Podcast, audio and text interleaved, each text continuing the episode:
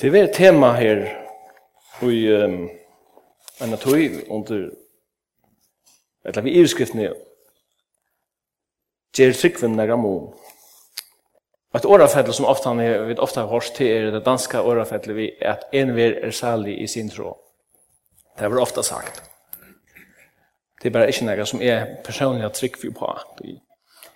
Jeg vi ikke at ein kvar er særlig i sin tryggvinn Sælan ligger ikke bare i at trykva, men det ligger i noen møyre som vi ikke kommer inn på. Men tar vi tås om hvers trykven gjør mån, så halte jeg at jeg kan huske meg å begynne vi at uh, lust trygg som et, et hotak, så rent teologisk, hva det er trygg for nek? La meg først si at jeg er til øyne nek, til øyne nek og spurningar i samband med trygg som er ikke uh, skilje til fullnær. Tryggven er, for jeg bruker et bibelsk åretag, et årefett til er, tryggven er et landarmal. Hon er et av de mange mysterium som er omtala i skriften. Det er nekve landarmal er omtala i Bibelen. Vi leser om landarmal godsettans, vi leser om landarmal evangeliums, landarmal Kristusar og så vidare, så vidare. Det er landarmal i en positiv tøtning. Det finnes også negativ eller mer nøylig landarmal, som til dømes at skriften tar seg om landarmal lovløsesins. Men hva er et landarmal for nek? Da vi tar som et landarmal, og i en bibelsk kontutning så merker det at vi fyrhald at vi standa i for nøkken som vi ikke kunne trønja til bonds og i vi okkara intellektu, intellektu eller vi rasjonelle tankagongt. Vi har bruk for heilig andanon som kan öppna landarmal og anden er liknen til å leda landarmal opp. Det er merker ikke det samme som at du teker og parkerer, parkerer fornuften av kjadar, det er slett det snur jo. Det er mer at jeg kjenner seg av at du må ha hukse på at du vid røkker bare til en et visst, og at her teker anden vi. Og Hebreabrev 11 sier så såleis, enn at vi trygg fæta vidt. Det vil si at Trygg er en måte jeg forstand på. Vi trygg fæta vi. Så løndarmal troaren er, det er sånn vi framme for en løndarmal, så er det klart at jeg kan ikke rent, hva skal man si, rasjonelt forklare for tikkun kan trygg vi er, er lukkan jeg avhenger av Guds anda som tid.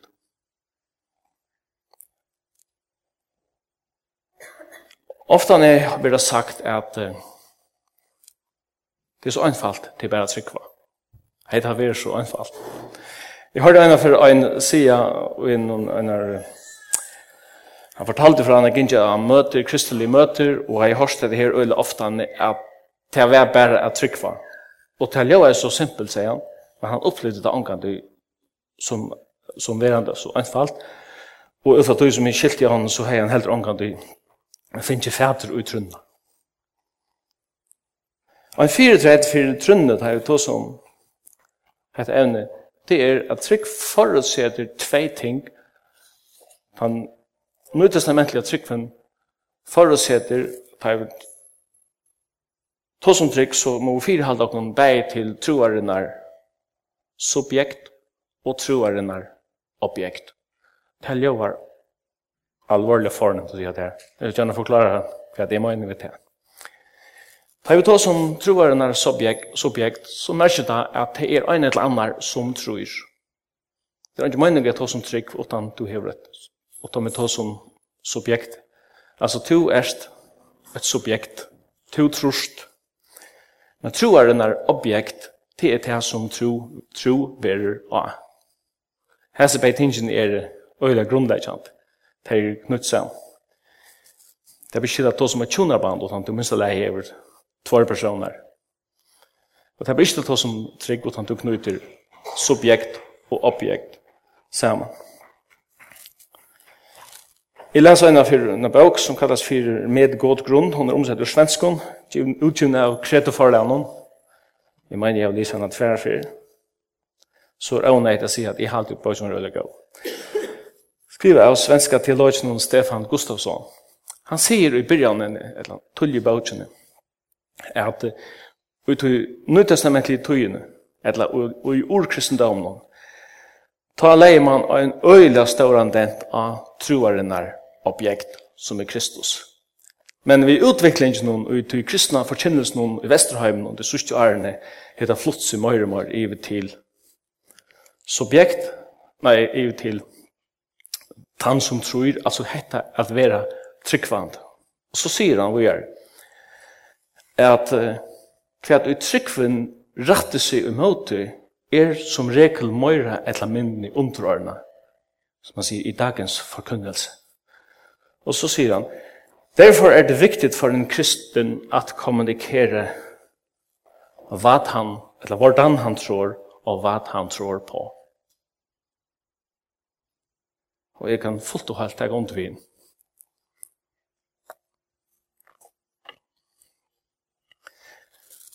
Altså, tvei ting tås av dem, objekt og subjekt, og til forbinder vi vi trunne. Det er mer enn en definisjon av trygg i Bibelen. Det mest kjente er i Hebreeren kapittel 11, her det stender at trygg er fullt vissa om det som vana verer, og samfunn det som ikke sast. Trygg i hesen føren verer forbundet vi vann og allit. Det er en trygg som gjerne konfliten nek, og gjør mål. Men det finnes ærer definisjoner eller trygg omtala i øren tøytning. Og Jakobs brev om stedet så leis. Det virker som om at det skriver sinter speise eller ironist. Her sier han ennast han så leis. Tu trust er god er, så sier han vi er, det er gjerst du ratt. Og så legger han seg at henne ytler antar tryggva øysene og sjelva. Og til ånøy til meg å si at, at hatta sleia trygg som omtaler Jakobs brev er ikkje ein trygg som hever nega vi anlitt eller vi vevn. Handan tryggven gjer ongan mo. Hon flyter ønsk. Han sier egentlig at dæmonen er tryggva, og det er stadigvæk dæmoner. Det er ongan mo omgjort. Så dæmoner er av en såkalt eksistenstrygg, og tryggva gode til, Og så hitt at hava et en livande oppenberingstrykk som hever vi vogn og hever vi alede gjør. Tantrykking gjør må. Men ofta er det lagt et visst trusht av den kristna bådskapen i det. Først du ut og predikar at du trusht på objektiver sannløygar som Til dømes ta i Peter sier på utsundegin at frelsa er ikke i noen år øron, og til heldig ikke nekka annan navn giv under himmelen vi hver menneske kan bli frelst, og ta med navnet Jesus Kristus. Så vil det dagsens samfunnet oppfatta som øyla intolerant og politiskt okorrekt, så tar som man sier, så tar stendt rett. Men ut i daglige, ut i tøymelige, har et ångan trobløyga vi har trygg på objektiver sannløygar. Hvis du heldur at bensin er for dårst, det halda de fleste, og anker kommer til hosgården, ja, men vatten er så øyla bøylut, hvor ikke fylla tankan i vatten. Så er det andre av okken som heldur at det er nekka særlig godt hoskod. Du vil trykke på nekka objektiva sannleikar. Vi trykker på nekka kemiska lover som sier at her, at bensin hever nokka hakre brennevire enn vatten hever. Så det er et omgang troblagar. Så her vil det dagliga og det tymelige kommer firehaldene til objektiva sannleggere. Hvor skal det så være så trobult at firehalda seg til at man tror på objektiva sannleggere at det kommer til det andalige tingene?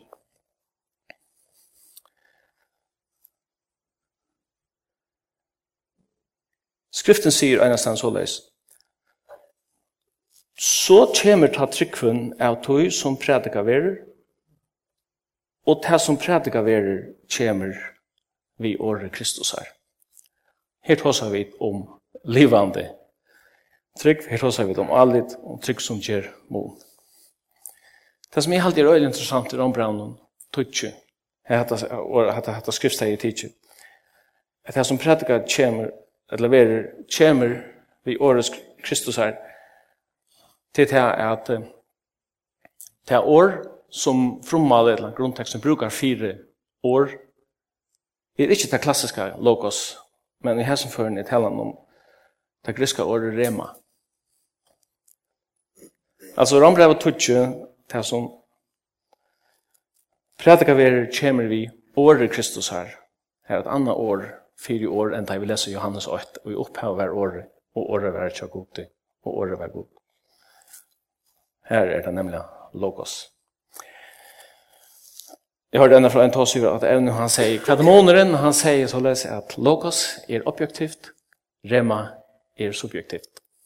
Og det var en alvorlig eye-opener for meg. Det er ikke så uttøy. En logos er objektivt merker.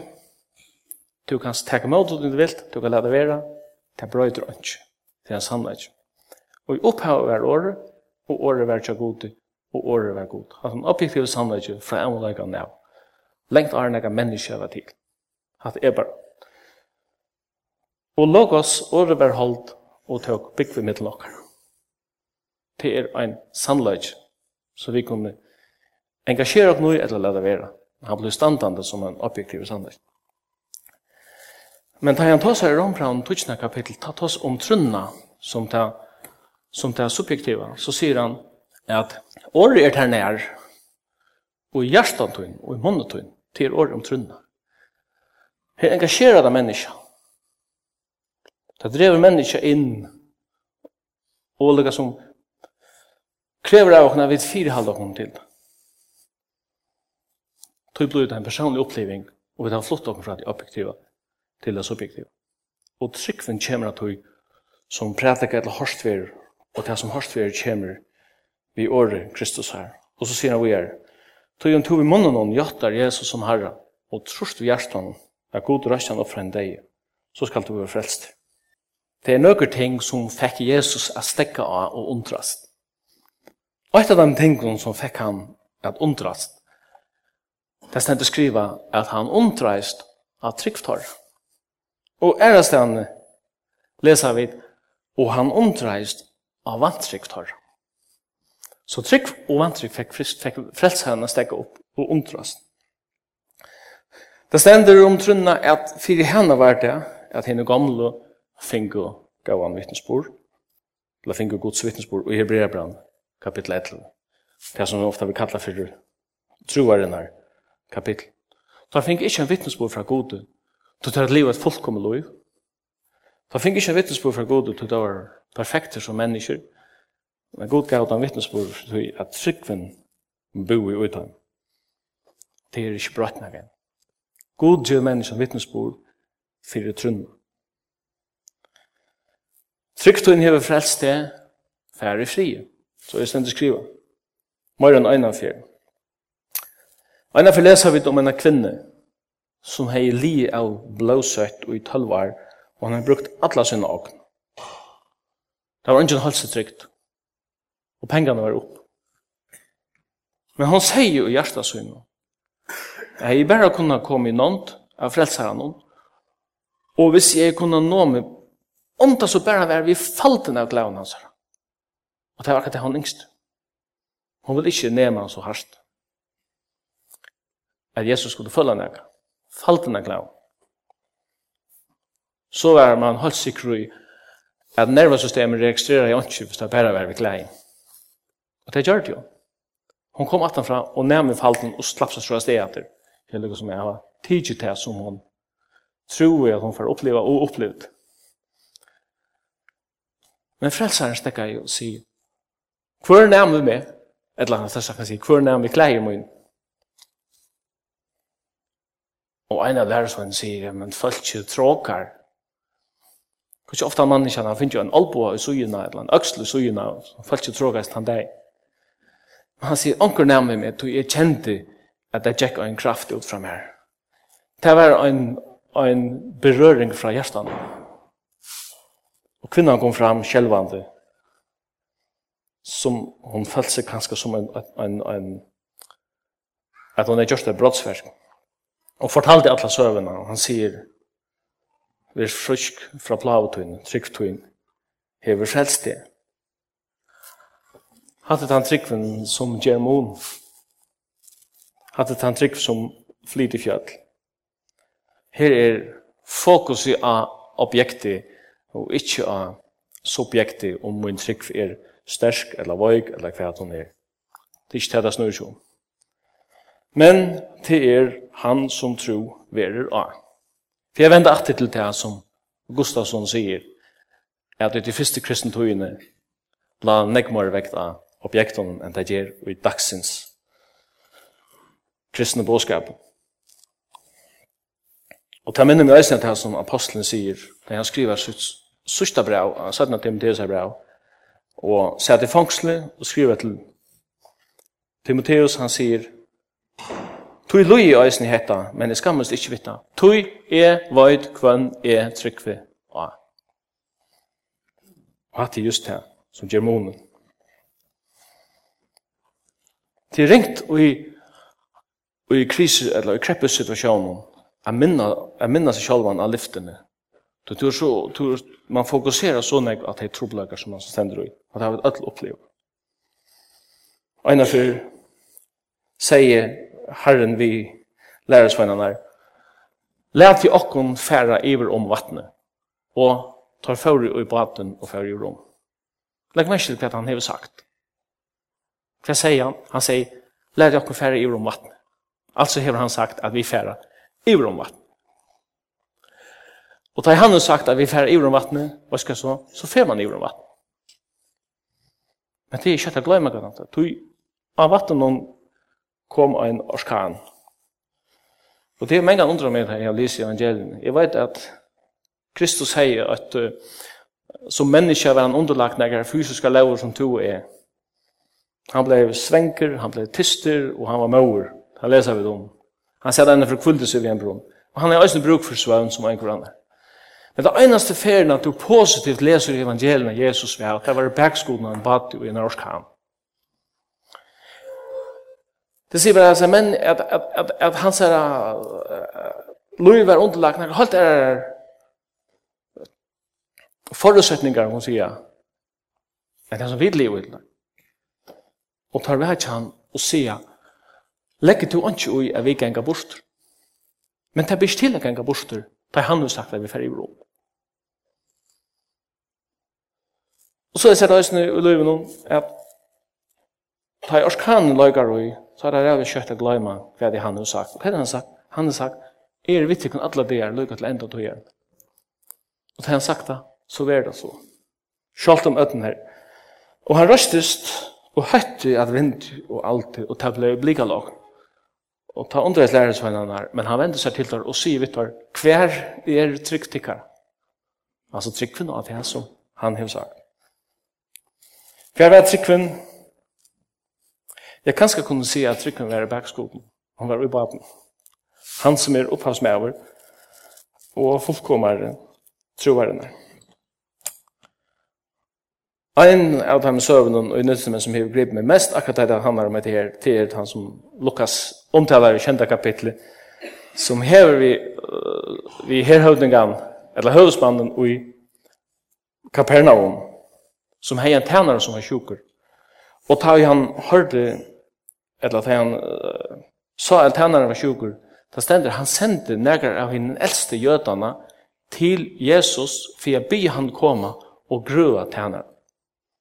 Han er øyelig anfall, han er øyelig anfall misjøn hos eldste jødene fink.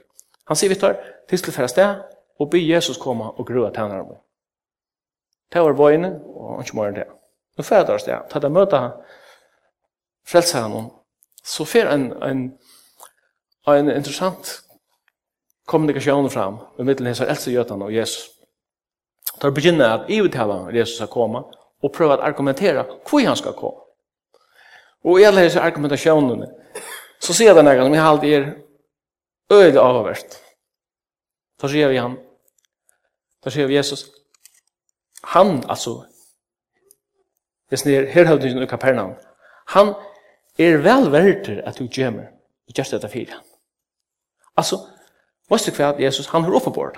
Tui han elskar fölkje, og han har byggt okken synagogerna. Alltså här är en person som är så gott människa. Han har skorat så näck bonuspoäng till god att han är virkelig uppe på det att du är lägre besök till honom. Och på en måte att jag får sådana medlidenhet för just nu är äldste götan som sitter och argumenterar. Här stannar där i för honom som Johannes Döjparen säger om at det er ikke verder å løse skrekkmannar sjå. Og da forteller vi hvordan verder hesten er, er å få besøk. Og Kristus får ikke inn i en diskusjon med tøyr om hvor jeg har på at vi er honom. Han sier bare vidt her, jeg skal komme og grua. Og det kan være, sier Esther Jødane også, wow, det er jeg. Argumentasjonen er jeg. Altså, han tror på at det er at høvesmannen i Kapernaum er verter. Og så færre der altså. Men det viser seg at han nå er ved Nu kommer ett nytt halt. Nu har han sent några ärar tjänare oss där, hos i Kapernaum. Där ser vi frälsarna. Och då ser vi Jesus. Herre okkar har sent okkom til dem. Jag ser vitt det. Jag märker till inte. Du är inte värd att du ska komma in under mitt hus. Alltså just övrigt att du som hinner det. Och så säger han kväll. Så säger han kväll och kväll. Han säger, Jag er med som stand i under her i mannen, og jeg har vi hermen under meg. Hvis jeg sier vi en fær, så fer han, og vi en annen kom, så kommer han. Og sier vi en, at han har en, gjør dette, så gjør han det. Altså, han var en person som har en status i militæren, og den statusen gav honom en myndeløyga, og han utførte henne myndeløygan simpelthen via sida da, så hendte det. Og tog sier han Jesus, si bare et år, så er tænaren frisker. Tui hesen mauren i Kapernaum skilti at vi Kristus la han myndelagjen iver ötlun myndelagjen og han kundi flida fjöll bare vi a sya dår. Og Jesus sier, jeg har ikke funnet så større trygg, nei, ikke i Israel helt. Og da jeg hese tænaren kom hjem, da funnet heima til herhøvdingan, ta funnet dår hin sjuka tænaren, fruska.